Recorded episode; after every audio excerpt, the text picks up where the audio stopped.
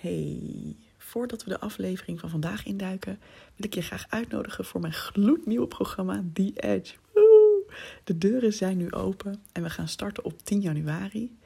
En het is mijn programma waarin ik je helemaal meeneem in wat er voor jou nodig is om een fucking fantastisch leven te leiden.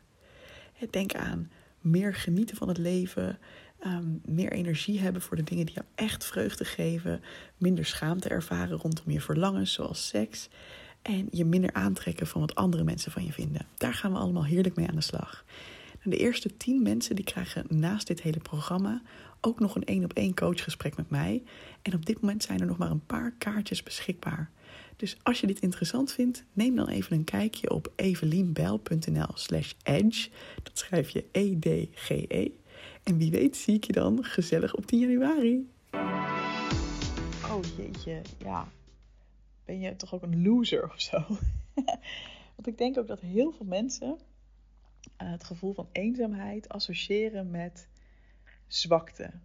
Dat als je dat voelt, dan is er iets mis met je. En dan dat moet je vooral ook niet aan andere mensen laten merken dat je je eenzaam voelt. Want dat is ook afstotelijk. Welkom bij de Perfectionisme Podcast. Mijn naam is Evelien Bijl en als ex-perfectionist help ik je graag op weg naar een relaxter en gelukkiger leven door minder streng voor jezelf te zijn. Mijn motto voor jou als je vaak gestrest of onzeker bent: hey, je bent niet gek en je bent niet alleen. Veel luisterplezier.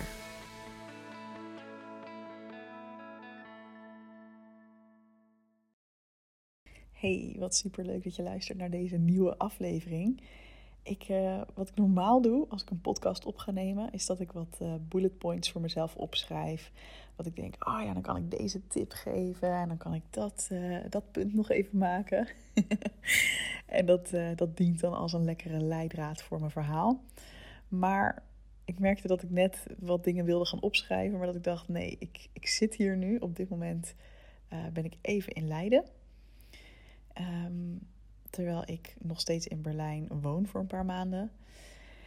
En ik zit hier nu en ik ben in het huis van een vriendin, waar ik heel uh, lief van haar mag, uh, mag blijven, een weekje. En ik heb een prachtig uitzicht, want zij heeft echt een, een gigantisch raam. En ze zit op de twaalfde verdieping, dus ik kijk over de hele stad uit. En ik zie gewoon echt een prachtige lucht ook, met ja, heel mooi zonlicht. Oké, misschien is het echt heel saai. om hier naar te luisteren.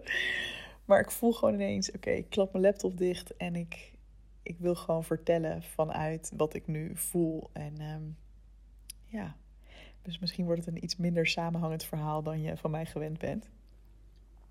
Maar ik had ineens de behoefte om iets op te nemen over het thema eenzaamheid. Um, ik ben natuurlijk nu sinds een paar maanden single.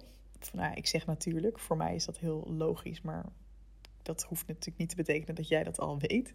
Dus bij deze, ik ben sinds een paar maanden single. En als ik single ben, als ik vrijgezel ben, dan voel ik dat ik mij op een andere manier verhoud tot andere mensen dan wanneer ik in een relatie zit. Ik ben benieuwd of jij dat zelf ook wel eens hebt meegemaakt, eh, dat je dat verschil zo duidelijk kon voelen.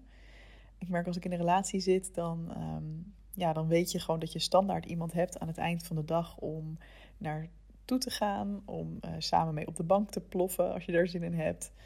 Uh, misschien iets leuks mee te doen. In ieder geval gewoon ook je verhaal aan kwijt te kunnen.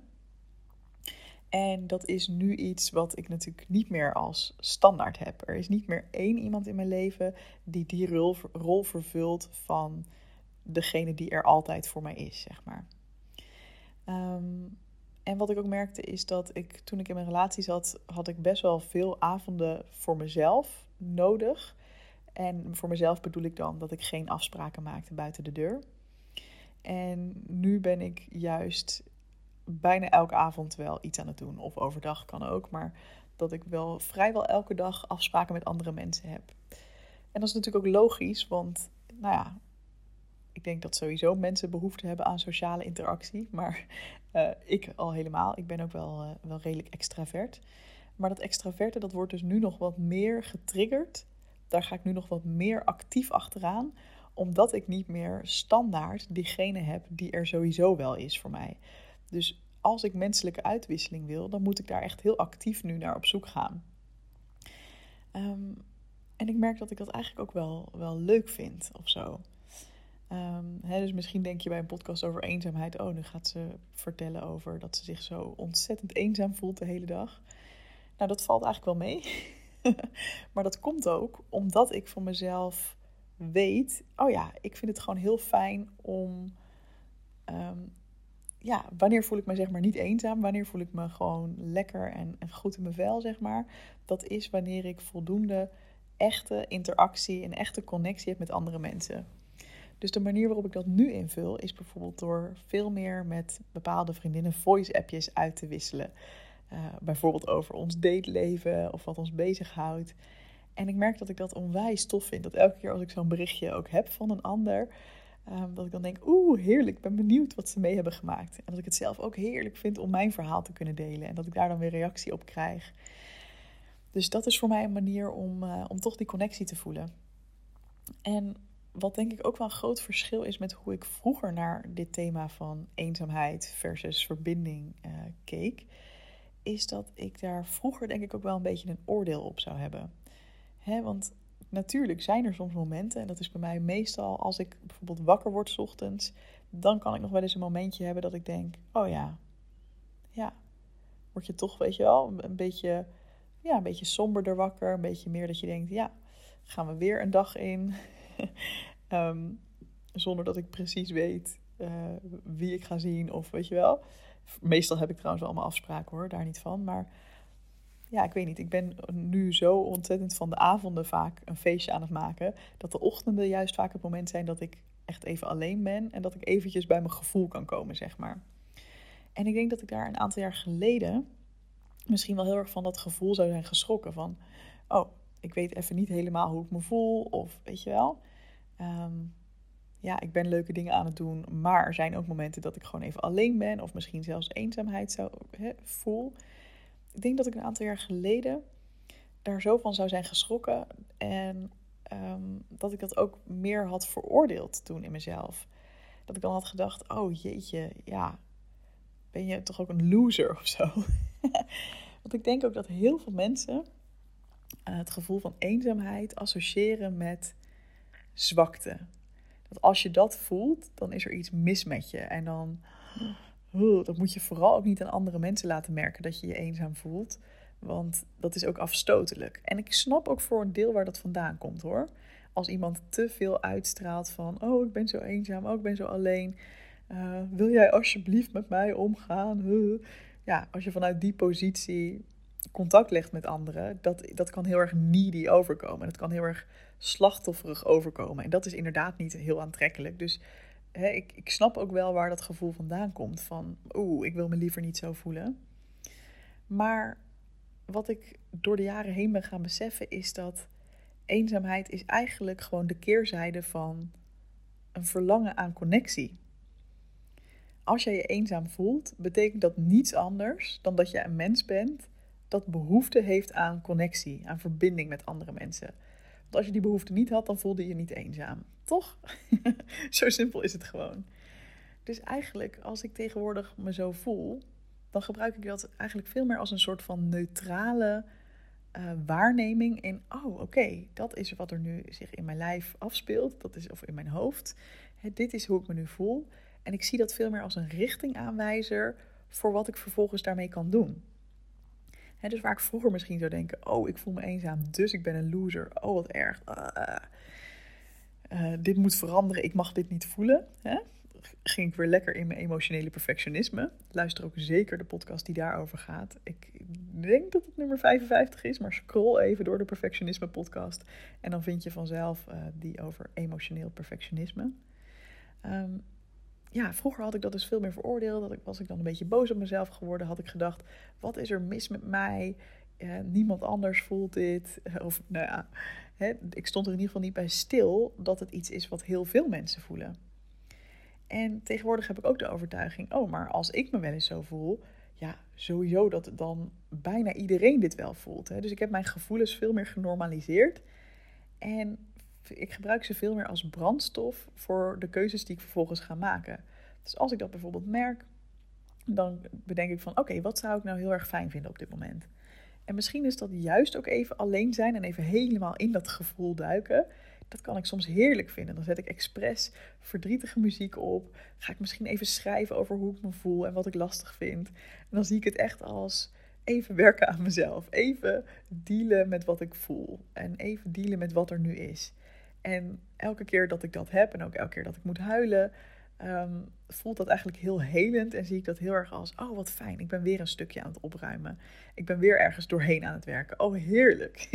ik zie het als een soort van rotzooi die ik opruim en waar ik doorheen ga en wat nooit meer op diezelfde manier terugkomt. Dat wil niet zeggen dat ik nooit meer hoef te huilen. Dat wil niet zeggen dat ik nooit meer me eenzaam voel of dezelfde soort gevoelens heb. Maar voor dat moment ben ik gewoon even dat stukje aan het opruimen. Ja, en daarna voelt het altijd vaak een stuk lichter en luchtiger en is er weer ruimte voor nieuwe dingen. dus soms heb ik daar behoefte aan. Dan ga ik gewoon even de diepte in. Andere keren denk ik juist: oh nee, ik heb nu gewoon echt heel erg zin om iets leuks te doen met iemand. Of gewoon om even te kletsen met iemand. En dan ga ik daar naar op zoek. En dan ga ik dat voor mezelf organiseren.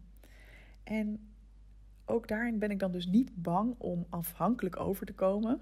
Of om over te komen als een slachtoffer of als een sneu iemand.